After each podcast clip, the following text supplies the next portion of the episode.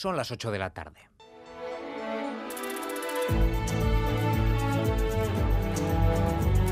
En Radio Euskadi, Gambara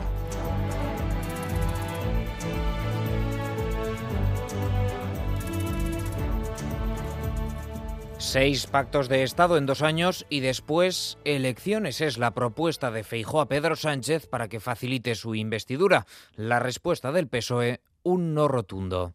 He ofrecido un pacto de Estado, pero Sánchez prefiere pactar con los independentistas.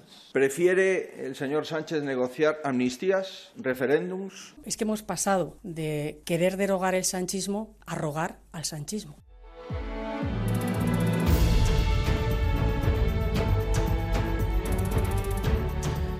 ¿Qué tal están, Arrachaldeón? La escalada de los precios lista para amargar aún más el ya de por sí amargo regreso de las vacaciones. Mañana cerramos agosto y según el dato adelantado del INE, el IPC ha subido tres décimas este mes, empujado por el precio de los combustibles.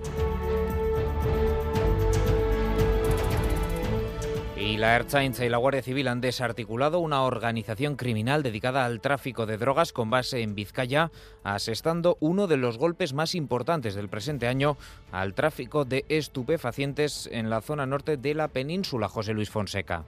Operación conjunta Archancha Guardia Civil en la que se ha desmantelado un importante grupo criminal con base operativa en territorio vizcaíno. Se ha detenido a seis personas que ya están en prisión y se ha incautado una importante cantidad de diferentes drogas. Beatriz Arraiz, delegada del Gobierno en La Rioja. 58 kilos de cocaína, 12 de speed, 176 de marihuana, 24 de hachís y 6.310 pastillas de éxtasis. Una droga que una vez adulterada y puesta a la venta habría superado los 17 millones de euros. La investigación de la Archancha comenzaba en febrero en la localidad de Gamizica. El punto de distribución lo teníamos ubicado en, en un caserío ahí en Vizcaya y desde ahí se distribuía una operación que ha supuesto uno de los golpes más importantes del presente año al tráfico de estupefacientes en la zona norte de la península. Y a la espera de la Dana que se espera llegue el viernes y sobre todo el fin de semana, vamos a conocer el tiempo de momento para mañana jueves. Euskalmet, Jonander Arrillaga, Rachaldeón.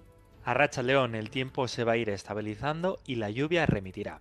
Podremos dejar el paraguas a un lado, ya que mañana jueves no esperamos lluvia, se van a imponer los claros y el día va a ser en general soleado. Por la mañana encontraremos bancos de niebla y nubes bajas de poca importancia, sobre todo cerca de la costa. Además, aunque empezaremos el día con fresco, sobre todo en el interior, las temperaturas máximas mañana van a subir de forma notable hasta rondar o superar los 25 grados en gran parte del territorio. En carreteras el departamento va Vasco de Seguridad pide especial precaución en la Guipúzcoa 636 a la altura de Rentería en sentido Lezo por la presencia de un vehículo averiado. Con Miguel Ortiz y Alberto Zubeldia en el control técnico, comenzamos.